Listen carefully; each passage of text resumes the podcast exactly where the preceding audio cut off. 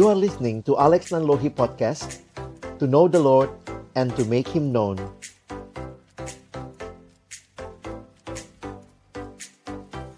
Mari kita berdoa sebelum kita membaca merenungkan firman Tuhan. Bapa di dalam surga kami datang dalam ucapan syukur sore hari ini buat kesempatan yang Tuhan berikan bagi kami untuk boleh sekali lagi belajar kebenaran firman-Mu. Kami mohon ketika kami akan membuka firman-Mu, bukalah juga hati kami.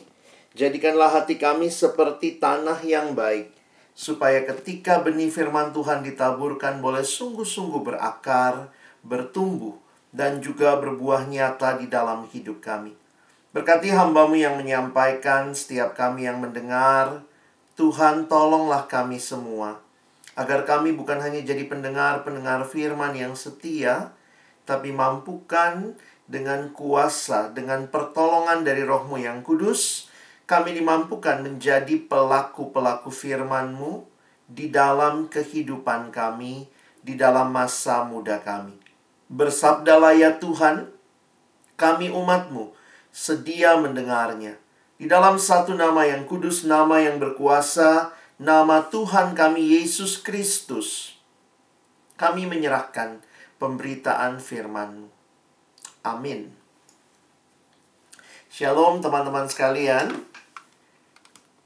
Saya bersyukur kepada Tuhan buat kesempatan ini boleh sama-sama dengan teman-teman sekalian kita boleh belajar kebenaran firman. Selamat Natal dan juga selamat tahun baru. Saya pikir belum telat ya menyampaikan itu buat teman-teman sekalian. Dan saya berharap di mana pun teman-teman saat ini ada di rumah atau mungkin ada di tempat tertentu begitu ya kalian boleh terus uh, menikmati pimpinan Tuhan. Uh, Abang sore hari ini menyiapkan satu presentasi buat kita dan nanti kita coba lihat sama-sama ya. Saya waktu merenungkan, memikirkan, mempersiapkan sesi-sesi ini, uh, sesi hari ini maksudnya ya. Um, saya terpikir untuk uh, membagi dua bagian kali ya. Yang pertama Nanti saya akan banyak uh, share tentang um, mengingatkan lagi, ya, mengingatkan tentang visi Allah dalam kelompok kecil. Secara khusus, apa sih yang sedang kita lakukan di dalam kelompok kecil untuk merefresh kita lagi? Dan nanti bagian yang kedua kita melihat bagaimana uh, perjuangan kita ya di tengah-tengah kondisi online seperti ini apa yang kira-kira bisa sama-sama kita perjuangkan. Saya ingat uh, setiap kali naik pesawat terbang begitu ya, uh, teman-teman itu kita mau sudah berapa puluh kali naik pesawat, bahkan mungkin berapa ratus kali naik pesawat begitu ya, tapi tetap akan diperagakan petunjuk cara menggunakan sabuk pengaman ya, uh, penggunaan pelampung. Jadi abang menyadari bahwa ada hal-hal yang sangat dasar yang terus harus diulang. Mungkin juga beberapa orang kalau lagi peragaan, petunjuk penggunaan sabuk pengaman dan segala macam itu biasanya adalah sebawa tidur gitu ya atau baca-baca majalah. Tapi uh, itu penting gitu ya. Hal-hal yang sangat basic kadang-kadang kita lupa ya karena itu uh, satu waktu saya pernah naik uh, pesawat udara juga, memang bukan di Indonesia ya, di luar negeri. Tiba-tiba uh, pramugarinya bilang begini, uh, mohon perhatiannya untuk petunjuk penggunaan alat-alat keselamatan karena mungkin berbeda dengan uh, pesawat yang lain yang anda pernah naiki gitu ya. Tapi menarik waktu dia bilang begitu tuh semua jadi apa ya? Kita jadi kayak yang mungkin baru pertama naik pesawatnya jadi kayak liatin apa sih yang beda gitu ya. Dan ternyata kita lihat dari awal sampai akhir sama aja begitu. Tapi caranya dia untuk menarik perhatian kita itu cukup menarik menurut saya. Mengingatkan bahwa coba dengar lagi gitu ya. Mana tahu ini beda dengan sebelumnya.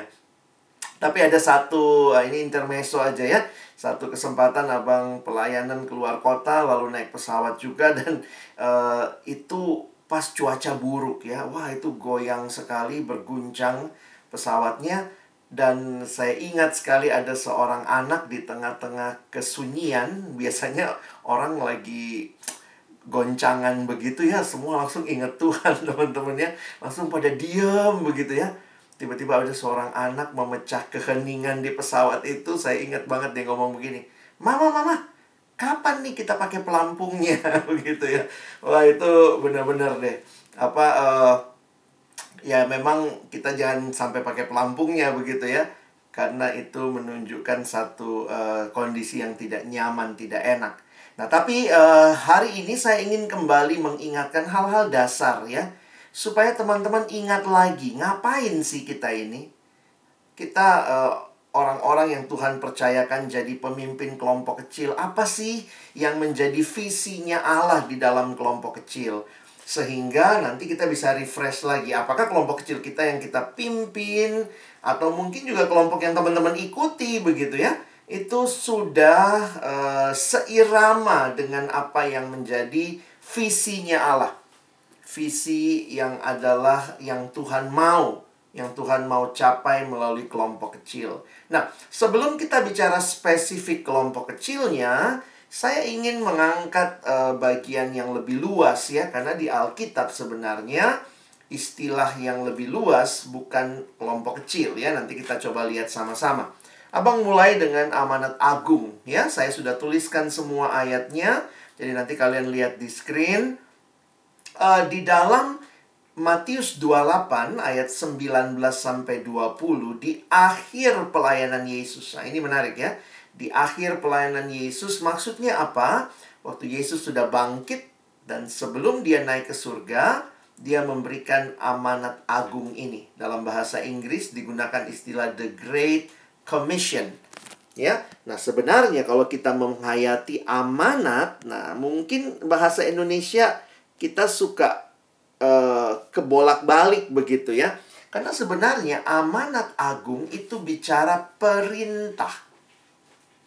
Amanat karena kita bayangannya kalau amanat pembina upacara langsung istirahat di tempat begitu ya. Sebenarnya kata amanat itu artinya perintah bukan cuma sekadar pesan. Mungkin kalau kita bicara pesan itu namanya amanah. Ya, jadi belakangnya bukan T tapi H gitu ya. Nah, ini yang Tuhan berikan sebelum dia kembali ke surga adalah amanat yang agung, perintah yang agung. Nah, coba kita lihat ya.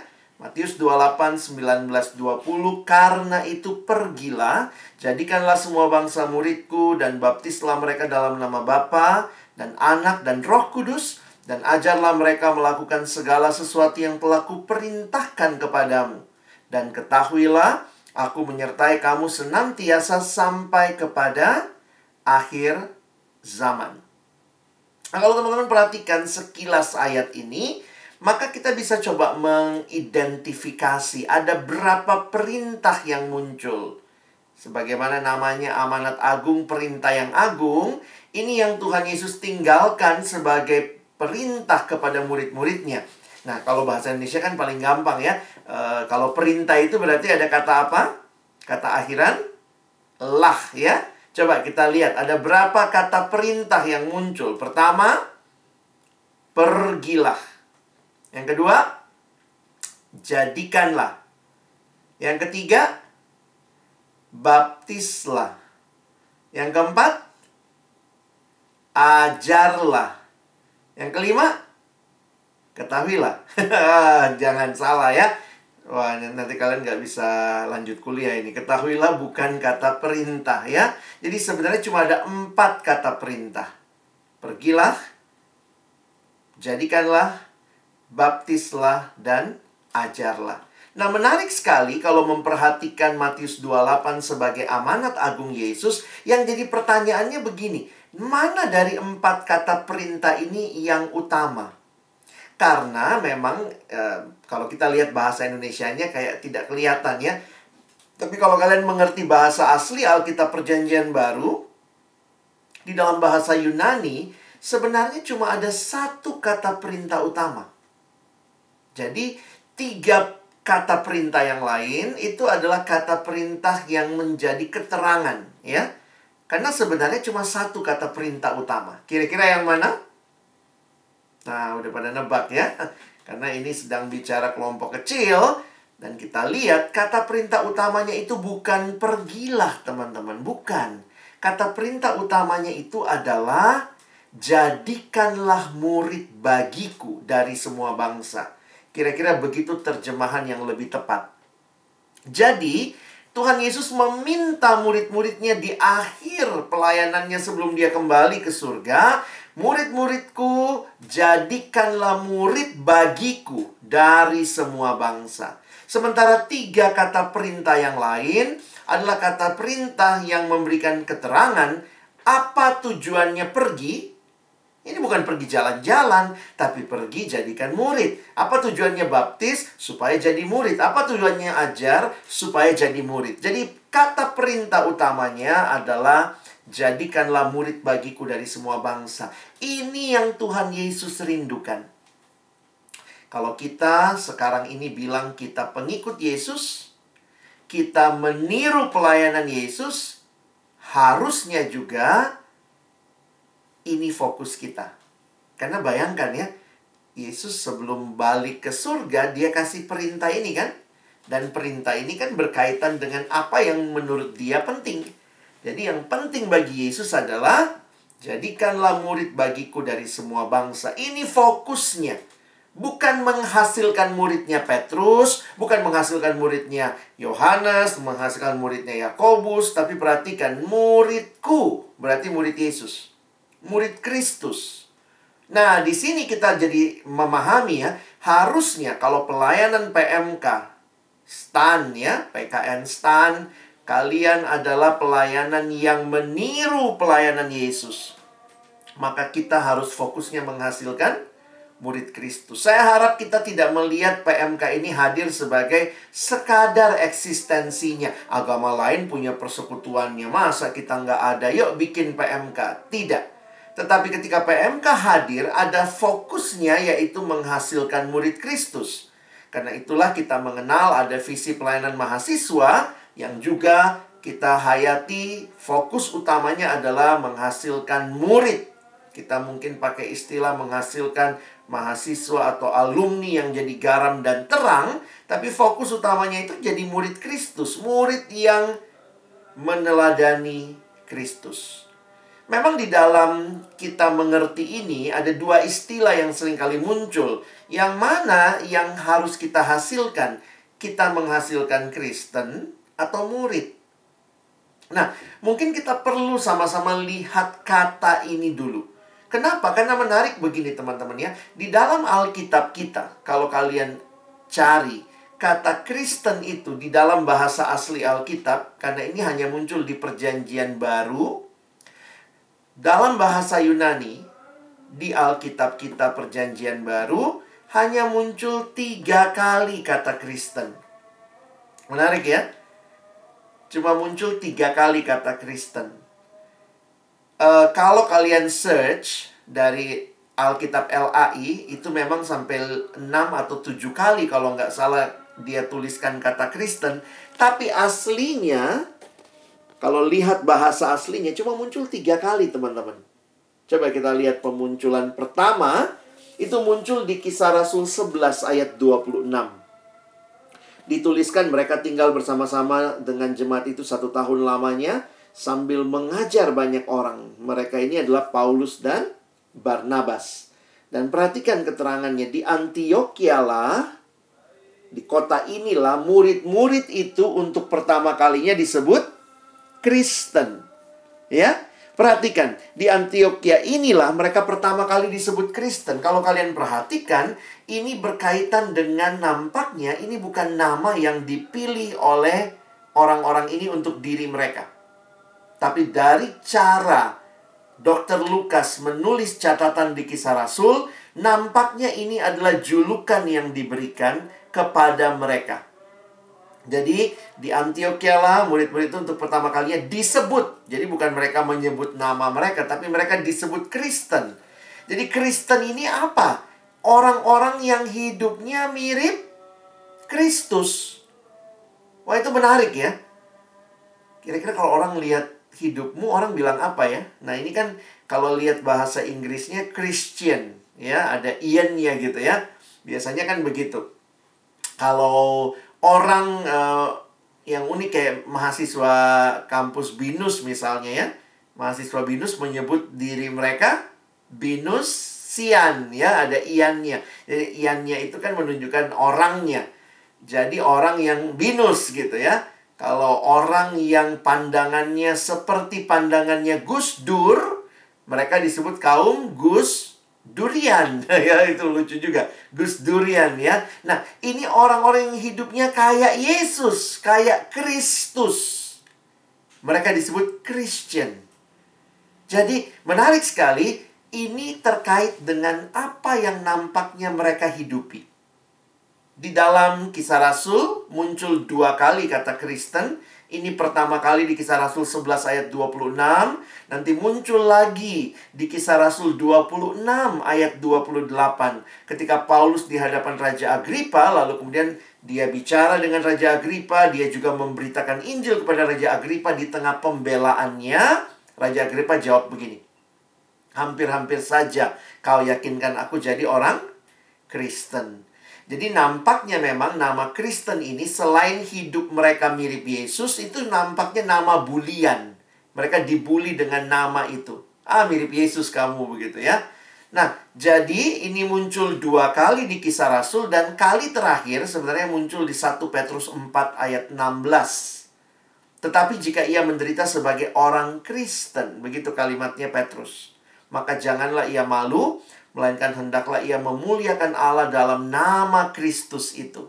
Jadi perhatikan, Kristen mengalami penderitaan karena nama Kristus. Jadi kira-kira cara kita mengerti ini bukan menderita gara-gara nyolong begitu ya. Tapi justru mereka menderita di tengah-tengah situasi mereka mau hidup kayak Kristus. Dan banyak orang yang tidak suka dengan mereka. Jadi teman-teman, tidak muncul kata murid di eh, kata Kristen di dalam di dalam kitab Injil. Nggak ada kata Kristen di kitab Injil.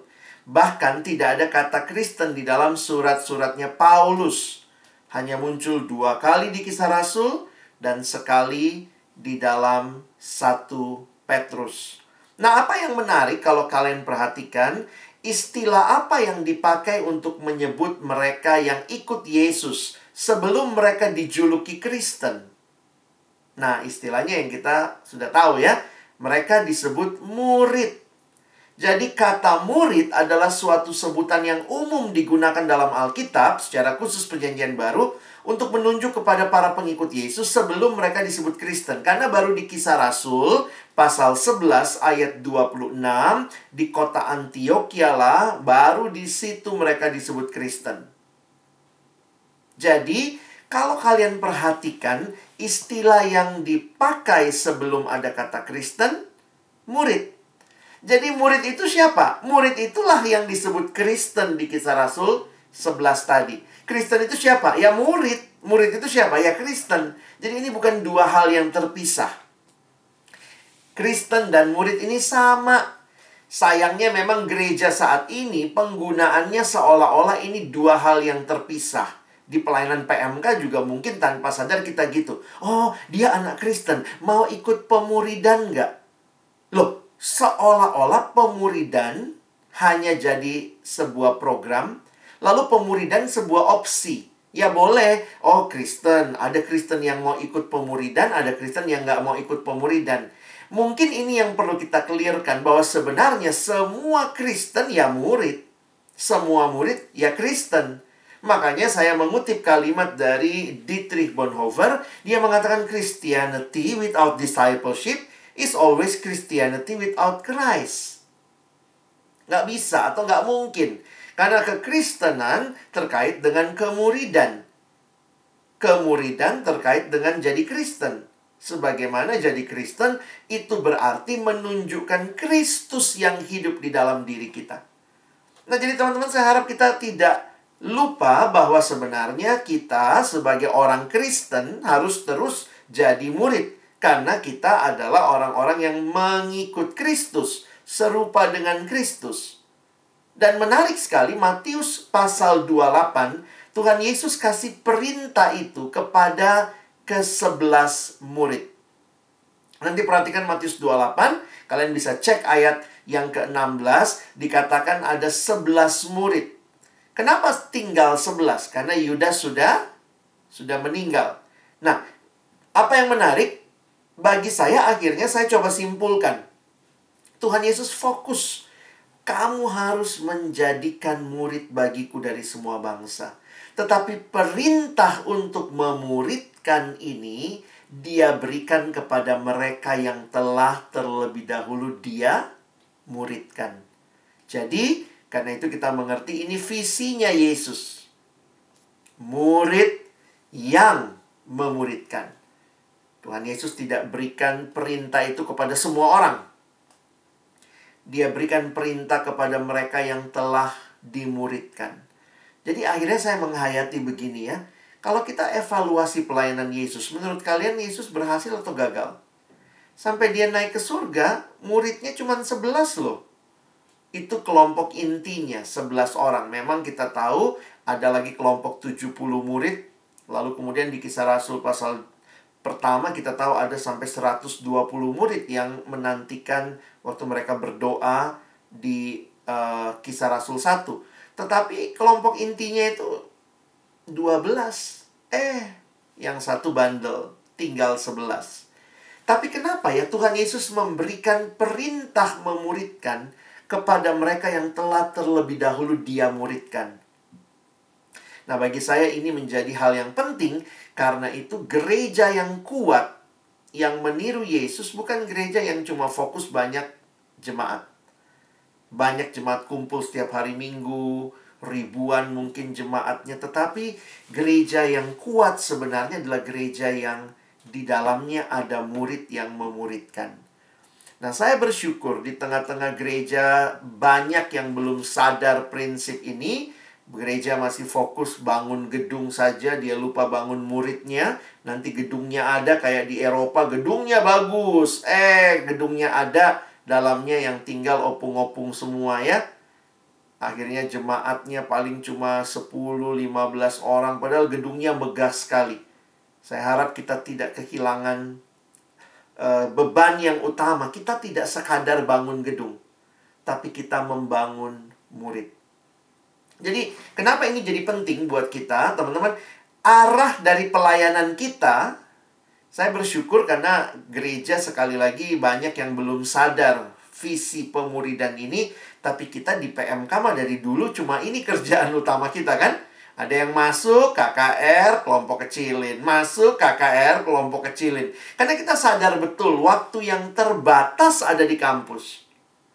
Maka fokusnya adalah kita memuridkan. Karena itu visi yang penting yang kita sama-sama hayati dan kerjakan.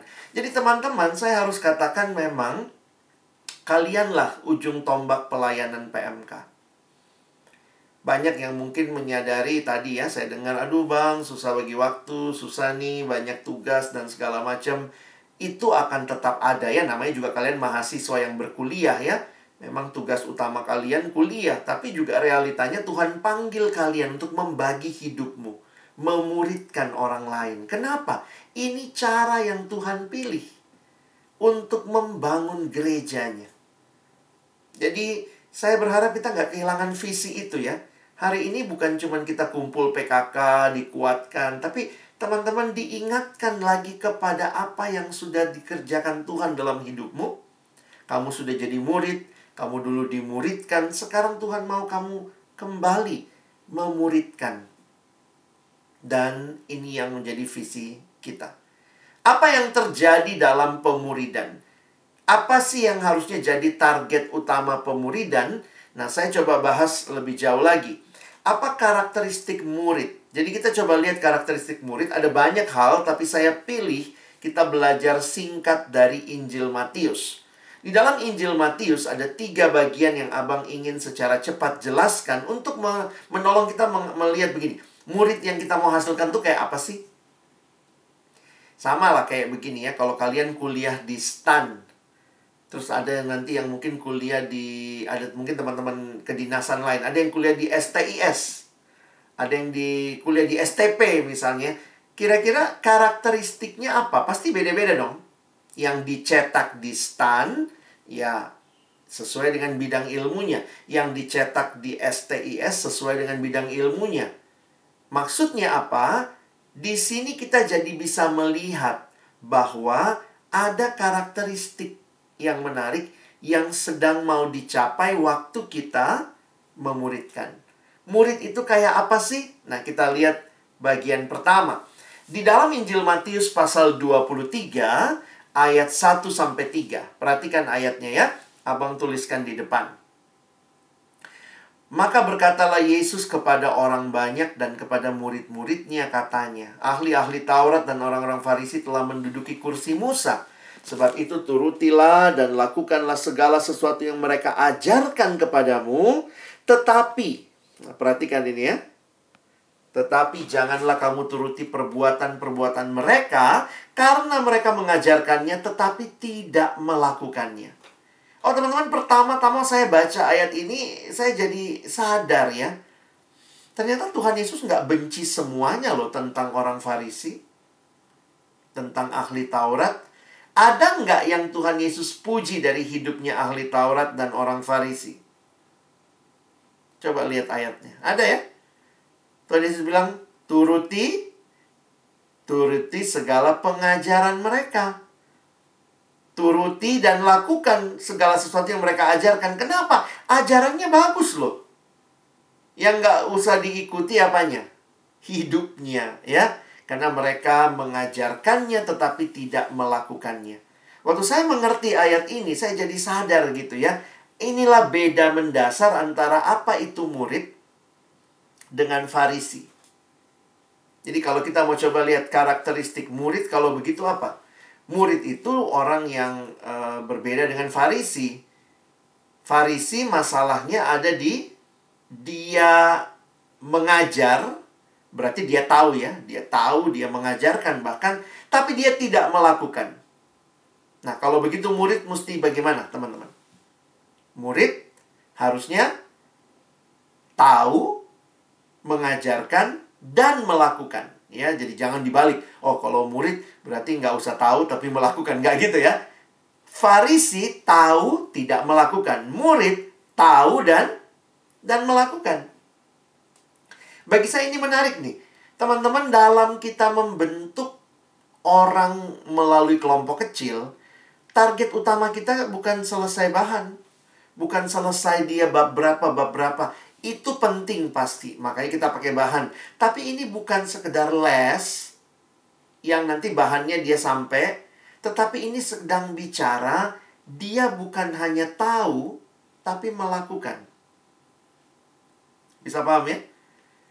Jadi karena itu kalau kalian membangun kelompok kecil, fokus kalian bukan cuma bagi bahan. Tapi tolong mereka menghidupi bahan yang mereka terima. Jadi itu jadi fokusnya.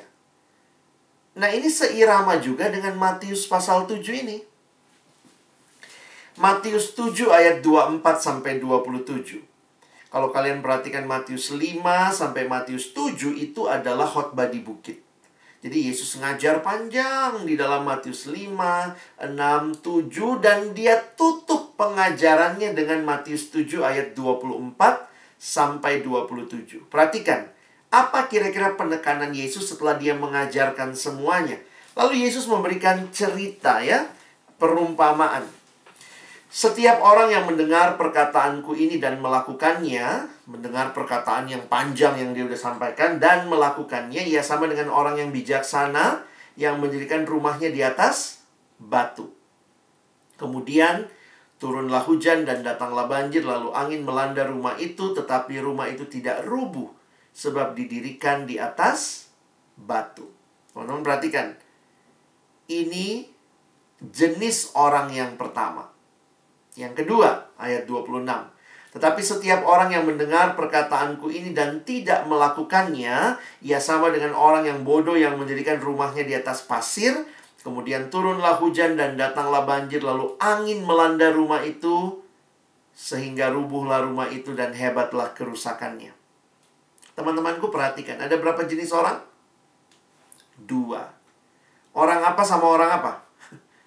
Pertama, orang Jangan bilang orang yang membangun rumah itu ilustrasinya. Yang pertama apa? Lihat baik-baik. Orang bijak sana. Yang kedua, orang bodoh. Nah, itu kan jelas ya. Ayat 24, orang bijaksana. Ayat 26, orang bodoh. Apa persamaan kedua orang ini? Jangan langsung sama-sama bangun rumah. Tunggu dulu, jangan rumahnya dulu ya. Lihat ayat 24-nya. Dia mendengar perkataan Kristus dan melakukannya. Itu disebut orang bijak, bijaksana. Lalu yang bodoh persamaannya mendengar firman tapi tidak melakukan. Nah, jadi yang satu bijaksana, yang satunya bijak sini ya. Dia tidak melakukan firman. Jadi sebenarnya Tuhan kasih kontras bahwa setelah orang mendengar firman ada dua pilihan. Kamu orang bijaksana atau orang bodoh. Bedanya apa? Satu melakukan, satu tidak. Persamaannya sama-sama dengar firman. Ilustrasinya seperti orang yang bangun rumah lalu fondasinya nggak kuat. Itulah orang bodoh banjir, angin melanda rumah, rubuh. Tapi kalau dia punya fondasi yang kuat, maka dia akan bertahan. Jadi teman-teman bagi saya menarik ya. Tuhan Yesus tidak hanya bilang yang penting ikut aku. Bukan, bukan cuma itu. Ayo rame-rame ikut saya. Tuhan Yesus tidak cari follower yang seperti follower-follower yang kita cari sekarang di medsos ya. Tuhan Yesus bukan cari fans dia cari pengikut yang sungguh-sungguh yang namanya murid. Dia cari orang bijaksana, bukan orang bodoh. Jadi saya ingat dulu waktu mimpin kelompok kecil, saya pernah marah juga ya. Diajarin saat teduh, nggak saat teduh juga anak-anak ini. Saya dulu baik banget ya, yang sampai sekarang juga masih baik ya. Maksudnya saya jarang marah gitu ya dia. Saya dulu mimpin anak SMA teman-teman. Jadi saya ajarin saat teduh nggak saat teduh juga minggu depan. Saya bilang gimana saat teduhnya belum bang. Ketawa-ketawa. Oke lah coba lagi ya. Minggu depan gimana? He belum bang. Lama-lama saya pikir saya marah juga gitu ya. Terus kemudian keluar tuh kalimat jangan jadi orang bodoh. Kaget mereka. Ih abang kok kasar banget ngomongnya. Saya bilang bukan saya ngomong kasar. Nih Tuhan Yesus ini. Bodoh kau dengar-dengar firman tiap minggu kelompok kecil nggak ada perubahan hidup gitu ya. Ya mungkin waktu itu saya nggak marah seperti itu ya tapi saya tantang mereka. Adik-adikku saya datang ke sini bukan cuma sekadar supaya kita jadi orang bodoh sama-sama. Saya rindu kalian bertumbuh. Apa yang kalian dengar lakukan praktekkan. Ayo pelajari. Ya Tuhan e, memang lama ya perubahannya tapi saya bersyukur ya saya pernah punya masa saya evaluasi mereka saya minta mereka jadi biasanya setiap akhir semester itu kami evaluasi kelompok ya. Saya bilang gimana kelompok kita? Sudah belajar banyak hal? Sudah dilakukan belum? Belum kak ya. Jadi ada orang udah tahu nih tahu bab 10 penting sekali pacaran sama seiman. Eh masih bodoh juga nggak pacaran atau cari teman hidup yang tidak seiman. Jadi bagi saya memang beda ya. Kamu tahu dan kamu lakukan itu dua hal yang berbeda. Dan Tuhan Yesus bilang apa? Yang harus dihasilkan dalam murid. Teman-teman yang kita mau hasilkan di kelompok kecil ini murid. Jadi tolonglah adik-adikmu termasuk kamu sendiri ya. Terus jadi murid ya.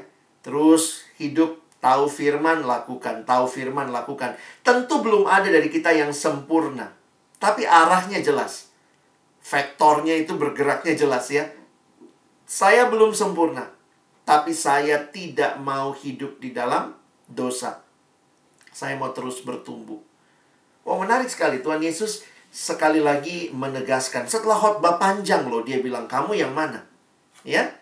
Nah, dan yang terakhir ini orang bijaksana dan orang bodoh. Yang terakhir kita lihat Matius 7 ya, 21. Bukan setiap orang yang berseru kepadaku Tuhan, Tuhan akan masuk ke dalam kerajaan sorga. Melainkan dia yang melakukan kehendak Bapakku yang di sorga. Teman-teman, Tuhan Yesus tidak mengajarkan lewat ayat ini keselamatan karena perbuatan baik. Tidak, bukan itu sebenarnya. Tapi kalau kalian perhatikan, ini ayatnya muncul di tengah-tengah Yesus lagi bicara pengajar sesat. Makanya Tuhan Yesus bilang, yang masuk kerajaan sorga adalah orang yang melakukan kehendak Bapa. Maksudnya, mereka yang tahu kebenaran dan melakukan kebenaran itu. Jadi jujur aja saya waktu memperhatikan kualitas murid yang Yesus mau bukan cuma orang yang kelihatan rohani. Ngomongnya kayaknya wah kalau hari Minggu gitu, oh, oh haleluya, puji Tuhan gitu ya, kepentok, oh maranatha, bukan begitu. Bukan yang berseru Tuhan Tuhan, tapi lihat apakah yang dia akui tentang Tuhan dan yang dia hidupi. Demikian sama dan memuliakan Tuhan. Jadi kalau kalian perhatikan kerinduan kita itu membangun murid ya. Nah, ini tabelnya kalau Abang kasih perbandingan ya. Kita tidak mau menghasilkan orang Farisi, orang bodoh. Kita mau menghasilkan murid, orang bijaksana. Mereka yang mendengar firman, tahu firman, mungkin sudah mengajarkan firman, dan melakukan firman. Jadi makanya kenapa dalam kelompok kecil itu, biasanya pemimpin kelompok itu juga kasih proyek ketaatan. Kenapa? menolong mereka melakukan apa yang mereka tahu. Tadi ada yang bilang, iya saya minta mereka tuliskan saat teduh mereka. Ya itu bagian di mana kalian menolong mereka melakukan ya. Nah itu yang kita bisa lakukan dan saya pikir masa-masa pandemi begini mesti kreatif ya. Gimana menolong mereka bukan cuma sampaiin bahan, kita Zoom meeting, Google Meetan, selesai, udah tapi memastikan kerinduan kita adalah apakah mereka melakukan firman. Ya. Dan kalau kita ingat Matius 28 tadi, saya juga baru ngeh gitu ya. Ternyata Matius 28 juga memberikan hints kita ya. Karena itu pergilah jadikanlah semua bangsa muridku dan baptislah mereka dalam nama Bapa, Anak dan Roh Kudus dan apa? Dan ajarlah mereka melakukan segala sesuatu. Tidak dikali Kalimatnya bukan ajarlah mereka melakukan segala teori kekristenan, tidak. Perhatikan yang saya garis bawahi. Ajar mereka melakukan segala sesuatu. Jadi kalau teman-teman perhatikan, Yesus fokus sekali hasilkan murid. Tiga setengah tahun, dia fokus menghasilkan murid. Karena murid-murid inilah yang dia rindukan melanjutkan pelayanannya. Murid yang seperti apa? Yang tahu kebenaran, tapi juga melakukan kebenaran. Nah, bagaimana kita mengerti hal ini lebih luas? Saya ingin mengajak kita melihat bahwa sebenarnya ini terhisap dengan sebuah visi yang lebih luas.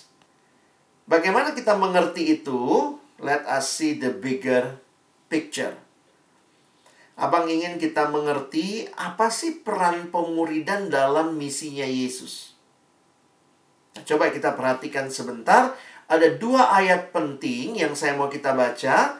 Matius 3 ayat 2, ini kaitannya dengan misinya Yohanes Pembaptis. Dan nanti kita lihat Matius 4 ayat 17 berkaitan dengan misinya Yesus. Oke? Kita akan lihat dua bagian ini ya.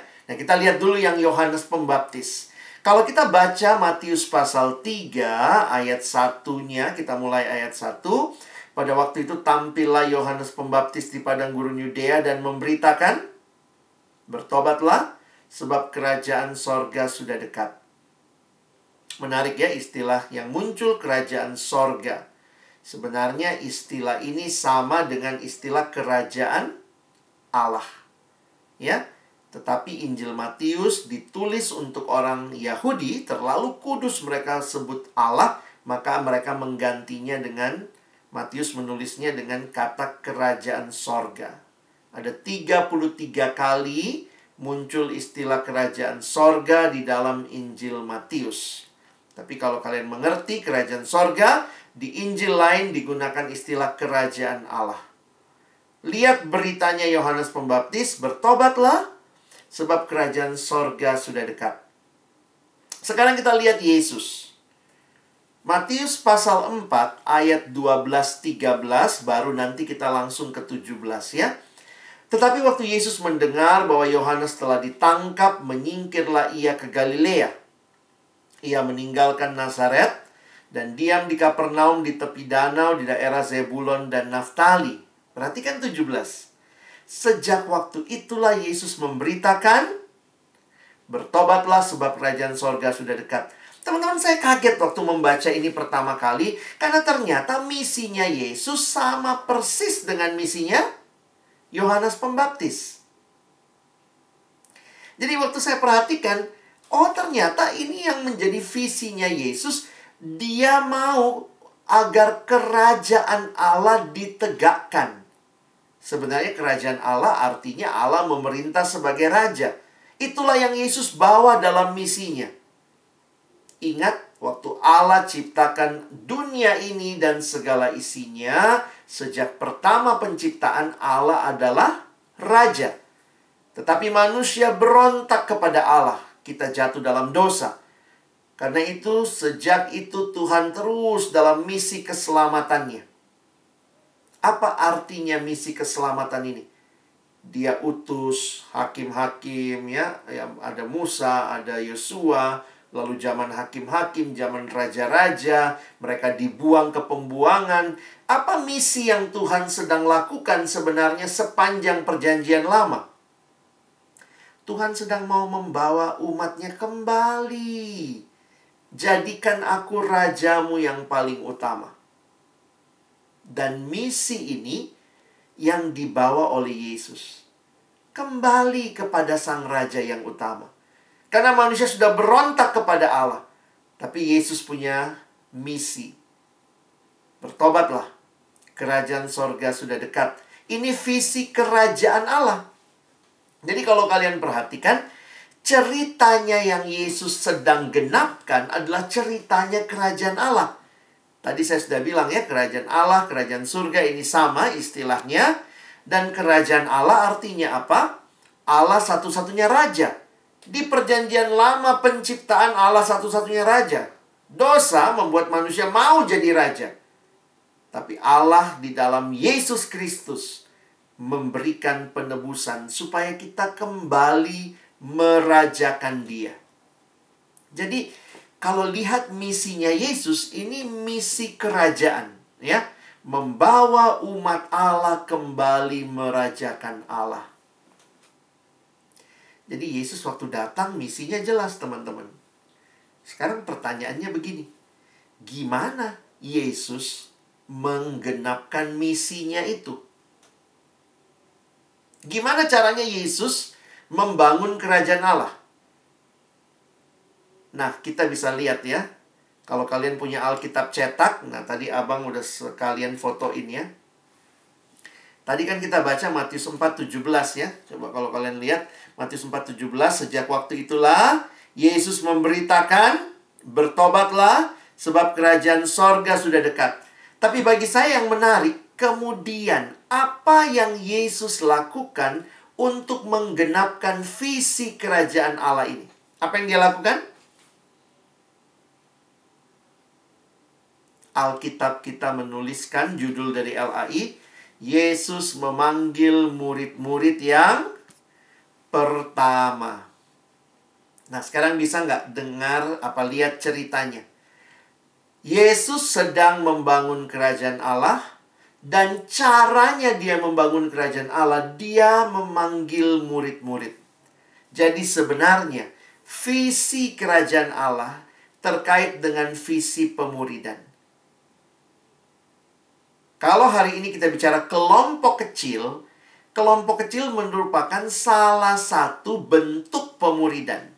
Jangan pikir kelompok kecil saja bentuk pemuridan. Enggak di PMK paling tidak kita kenal persekutuan besar. Ada KJ ya, kebaktian Jumat misalnya, persekutuan kalian. Nah, itu juga kan dalam rangka menghasilkan murid. Lalu ada pelayanan pribadi. Tetapi strategi utama yang kita tiru dari Yesus, Yesus juga begitu teman-teman ya. Yesus waktu itu pelayanan ke orang banyak nggak? Oh pelayanan juga dia pelayanan kepada 5.000 orang Yesus pelayanan juga nggak kepada pribadi. Ya juga dia ketemu perempuan Samaria, dia ketemu Nikodemus. Kan Yesus nggak bilang gini sama perempuan Samaria, maaf ya, eh, daftar dulu kelompok kecil sama Petrus baru boleh ngomong. Enggak. Yesus melayani pribadi juga. Tapi apa strategi utama pemuridan Yesus? Jadi Yesus menggunakan kelompok kecil. Karena bayangkan dia tinggal bersama dengan murid-muridnya. Dia berjalan bersama murid-muridnya. Jadi fokus utama Yesus adalah kelompok kecil.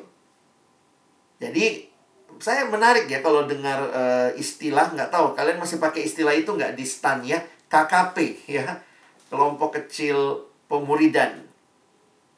Bagi saya menarik tuh kelompok kecil kalian jelas tujuannya apa kelompok kecil pemuridan yang di mana kelompok kecil pemuridan itu sedang membangun kerajaan Allah. Bisa lihat kaitannya? Kelompok kecil Tujuan utamanya menggenapkan visi pemuridan dan visi pemuridan ini sedang menggenapkan visi kerajaan Allah. Karena apa? Karena Yesus membangun kerajaannya yang kita lihat di Alkitab tadi dengan cara memanggil muridnya. Wah, jadi ini kalau kalian tulis di CV-mu, wah luar biasa ini. Bukan cuma tulis PKK ya, harusnya kalian tulis. Uh, kalau dibikin CV ya, saya pemimpin kelompok kecil pengalaman membangun kerajaan Allah ya. Nah, itu sesuatu yang sebenarnya Tuhan melibatkan engkau dan saya membangun kerajaannya. Dengan cara apa? Dia berikan kesempatan kita membangun murid-murid. Makanya sekali lagi saya harap ini jangan jadikan hal yang sepele ya. Menjadi pemimpin kelompok kecil, ayo berjuang gitu ya ini bukan ceritamu saja teman-teman. Teman-teman lagi berbagian, Tuhan lagi libatkan kamu dalam misi kerajaan Allah. Dan saya melihat ini jadi menarik di tengah-tengah situasi kayak corona begini ya. Abang coba renungkan di awal-awal corona itu ya, saya coba lihat gitu ya. Aduh, situasinya sulit begini, gimana mau memuridkan ya? Apa yang perlu kita miliki Salah satu yang berkesan waktu itu adalah keyakinan bahwa situasi yang sulit bukan membuat kita berhenti memuridkan. Dari mana ini saya refleksikan? Saya ingat kitab 2 Timotius, ya. Di dalam kitab 2 Timotius ini adalah surat yang ditulis oleh Paulus kepada seorang pemimpin muda, anak rohaninya sendiri yaitu Timotius. Waktu itu Paulus lagi meninggalkan Timotius di Efesus. Lihat petanya, Efesus terletak di tepi laut. Ini kota metropolitan zaman itu. Timotius muda ditinggalkan Paulus melayani di Efesus. Paulus lagi di mana? Waktu menulis surat 2 Timotius, Paulus ada di penjara di Roma. Lihat sebelah kiri itu kota Roma. Apa yang terjadi pada masa itu? Kalau teman-teman perhatikan, pada masa itu ada tantangan. Memang mereka bukan corona ya, tapi tantangannya kekristenan ditantang oleh dua hal pada waktu itu. Ada ancaman besar yang melanda kekristenan di provinsi Asia. Kota Efesus ada di provinsi Asia. Pada masa itu Asia itu bukan hanya nama benua, tetapi nama satu provinsi di wilayah kerajaan kerajaan Romawi. Itu yang disebut sebagai Asia Kecil, Asia Minor. Sekarang ada di daerah Turki bagian barat. Ada dua tantangan yang dihadapi pada waktu itu. Jadi orang Kristen di abad pertama, gereja Efesus gereja yang didampingi Timotius, pertama ada ancaman dari luar. Ancaman dari luar yang utama dari orang Romawi dan orang Yahudi yang tidak suka dengan kekristenan. Yang mereka tidak suka justru karena hidup orang Kristen itu saleh. Jadi akhirnya muncul aniaya. Itu dari luar. Tapi ada ancaman dari dalam. Munculnya pengajar-pengajar sesat jadi bayangkan waktu itu Timotius ada di jemaat yang mengalami tantangan. Tantangan dari luar ada penganiayaan, tantangan dari dalam ada pengajaran sesat, ditambah lagi Paulus yang adalah pemimpin pelayanan mereka harus jadi penghuni penjara di Roma. Bayangkan ya, ini kondisi nggak mudah. Tapi dalam situasi seperti itu, Paulus tulis surat sama Timotius. Dengarkan nasihatnya ya. Apa nasihat Paulus? Saya kutip dua ayat saja ya. 2 Timotius 4 ayat 2 dan 5. Beritakanlah firman, siap sedialah baik atau tidak baik waktunya. Nyatakanlah apa yang salah, tegurlah dan nasihatilah dengan segala kesabaran dan pengajaran. Abang waktu itu mau give up juga, eh ayat ini yang berkesan dalam perenungan pribadi saya di awal pandemi bulan Maret tahun lalu.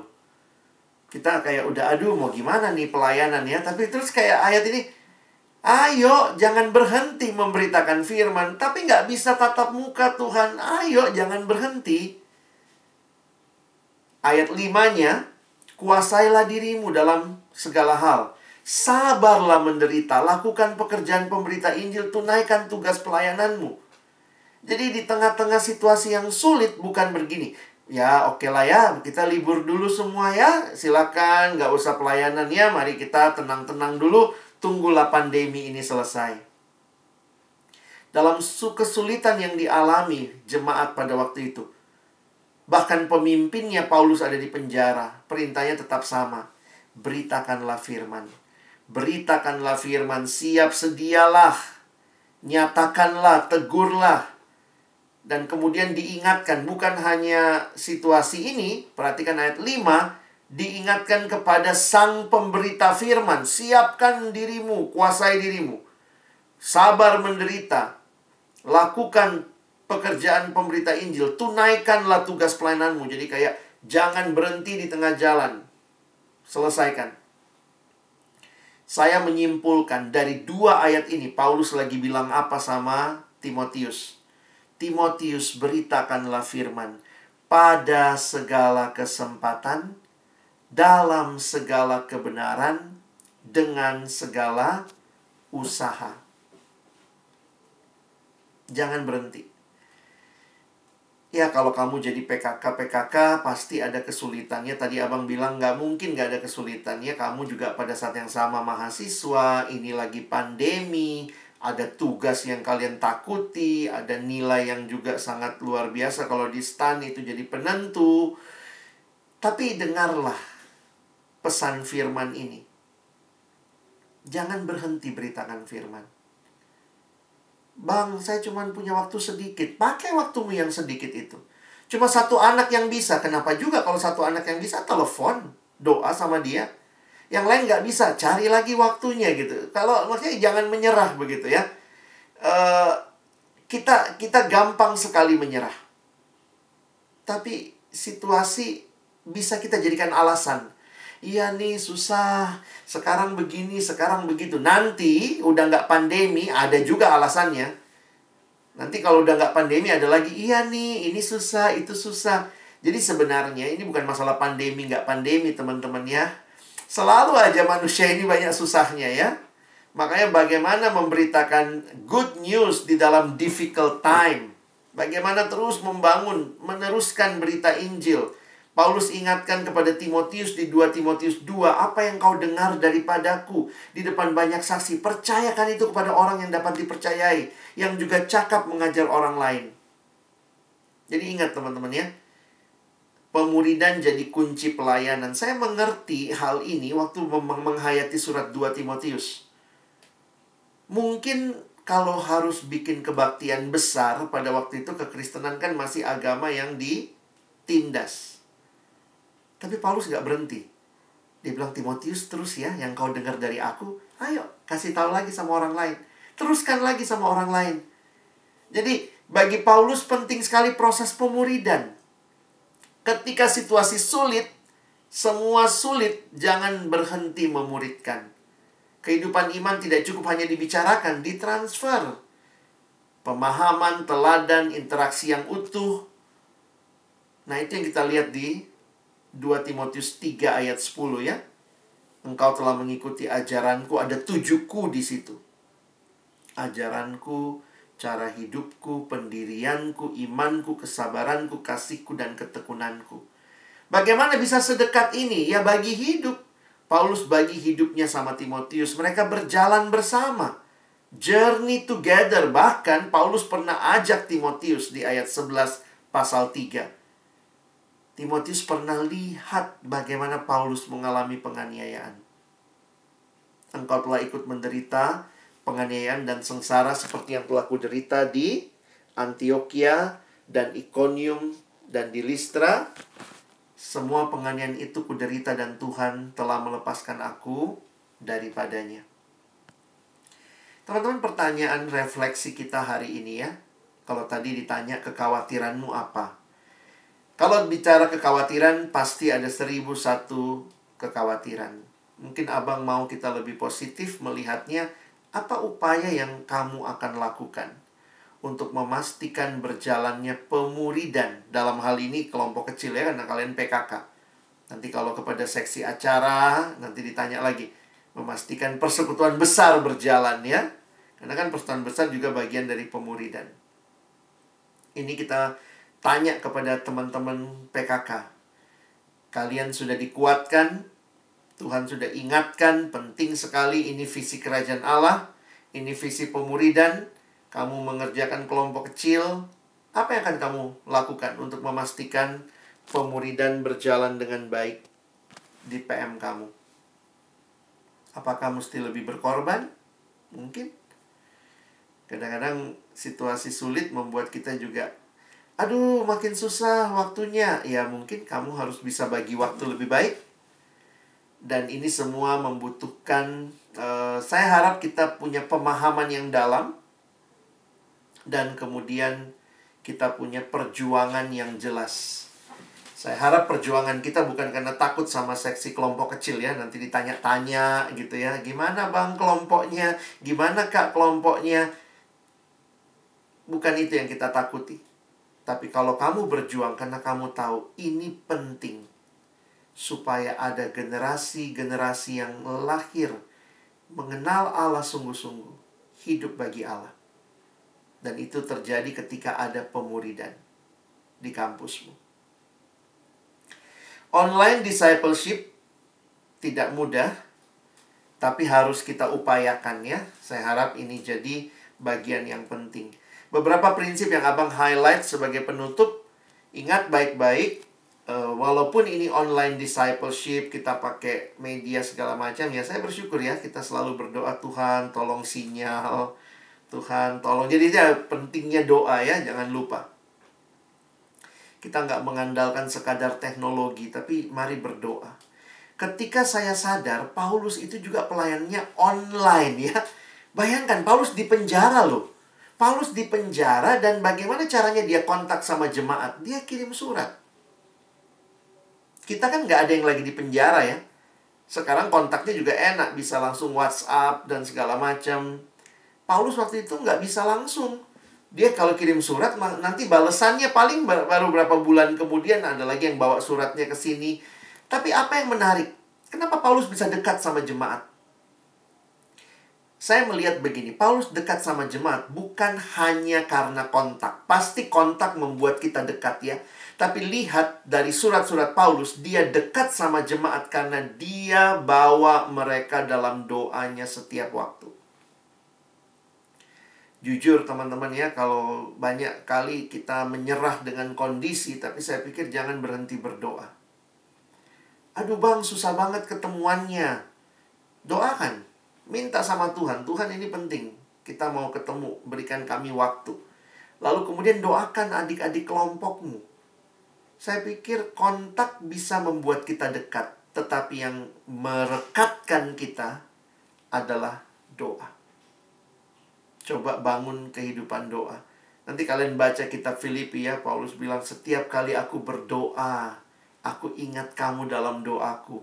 Lihat dua Timotius 1 dia bilang setiap kali aku terkenang akan air matamu Timotius aku mengingat engkau dalam doaku.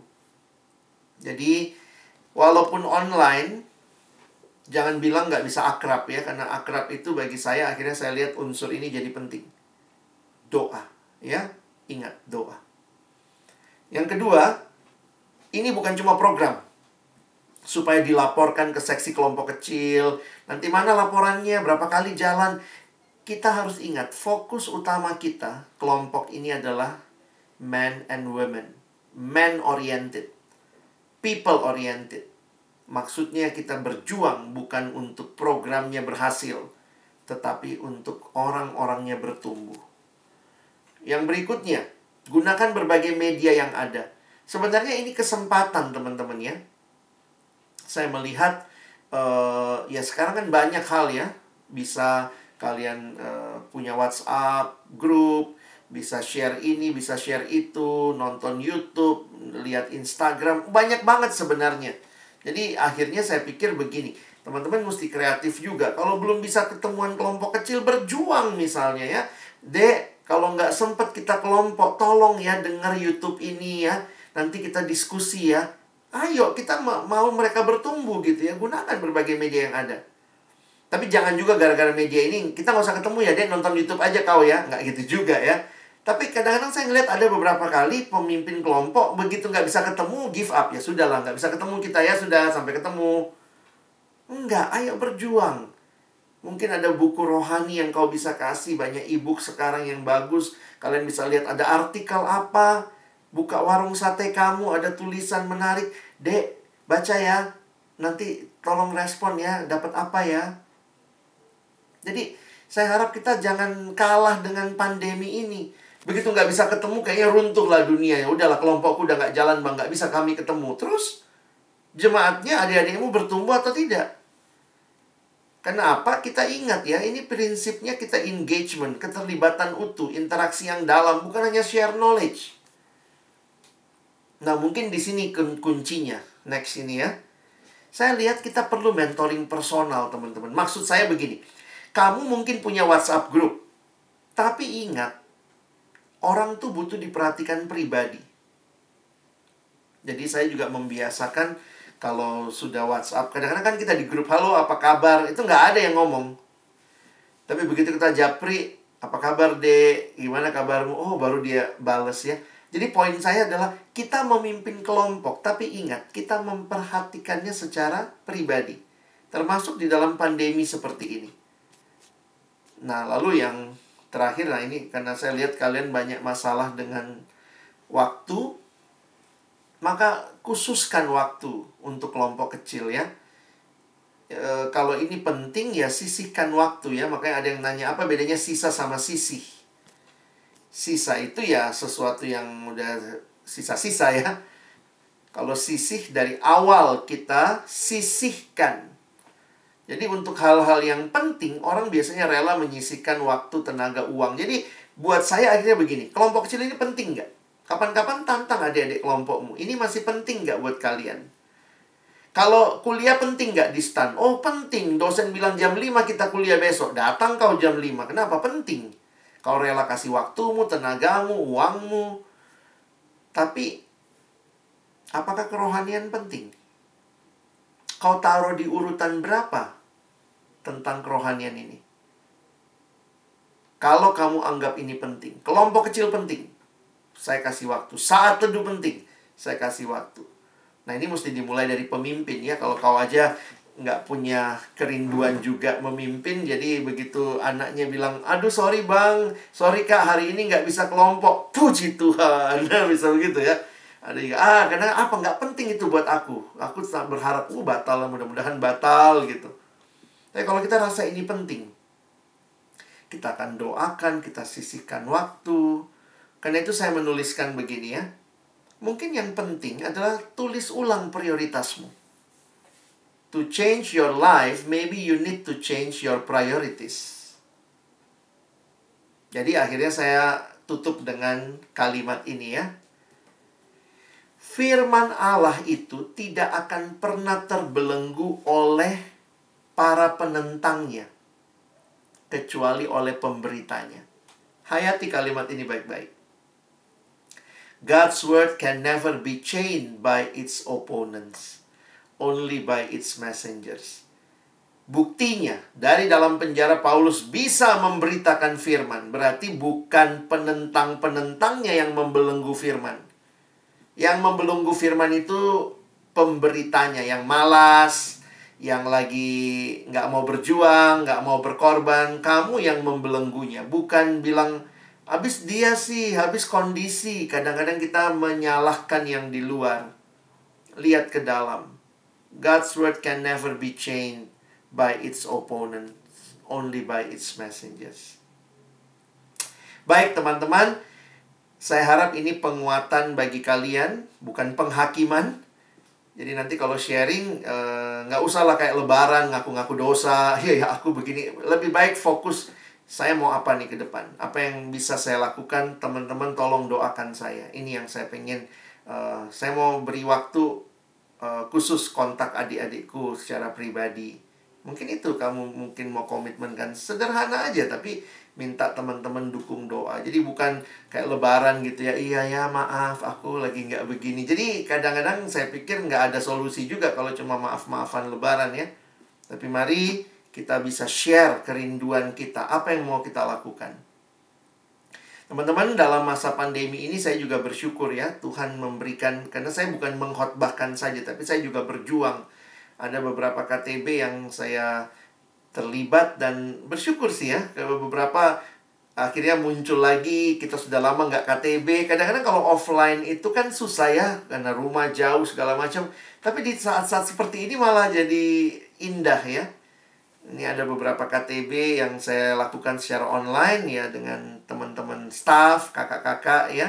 Ada Kak Lina Kak Vivi kami KTB bertiga untuk Ya namanya kita juga butuh belajar firman ya. Bukan cuma adik-adik kita khotbahkan kalian. Penting KTB Kami juga lakukan Kami juga berpikir ini bagian pertumbuhan ya. Ini dengan beberapa teman dari daerah Ada yang dari Bali Ada yang dari Kupang. Dulu kami pernah orientasi bersama Kita lanjutkan KTB di masa pandemi Ini jadi kesempatan untuk terus bertumbuh jadi ya saya cuma ingin ingatkan buat teman-teman ini sesuatu yang perlu kita perjuangkan. Bukan hanya sesuatu yang kita khotbahkan jadi slogan tetapi biarlah kita terus bertumbuh di dalam pengenalan akan Tuhan. Kiranya Tuhan menolong kita bukan hanya jadi pendengar tapi jadi pelaku-pelaku firman ya. Amin. Mari kita berdoa. Tuhan ingatkan kami untuk terus berjuang di tengah-tengah situasi yang tidak mudah, sering kali kami mungkin gampang sekali menyerah. Tapi kami mau memandang kepada Tuhan, sehingga kami pun berjuang di dalam hal-hal yang harus kami lakukan. Biarlah kami juga saling mendukung, saling mendoakan. Tolong kami bukan cuma jadi pendengar firman, tapi jadi pelaku-pelaku firman-Mu. Kami bersyukur dalam nama Yesus, kami berdoa. Amin.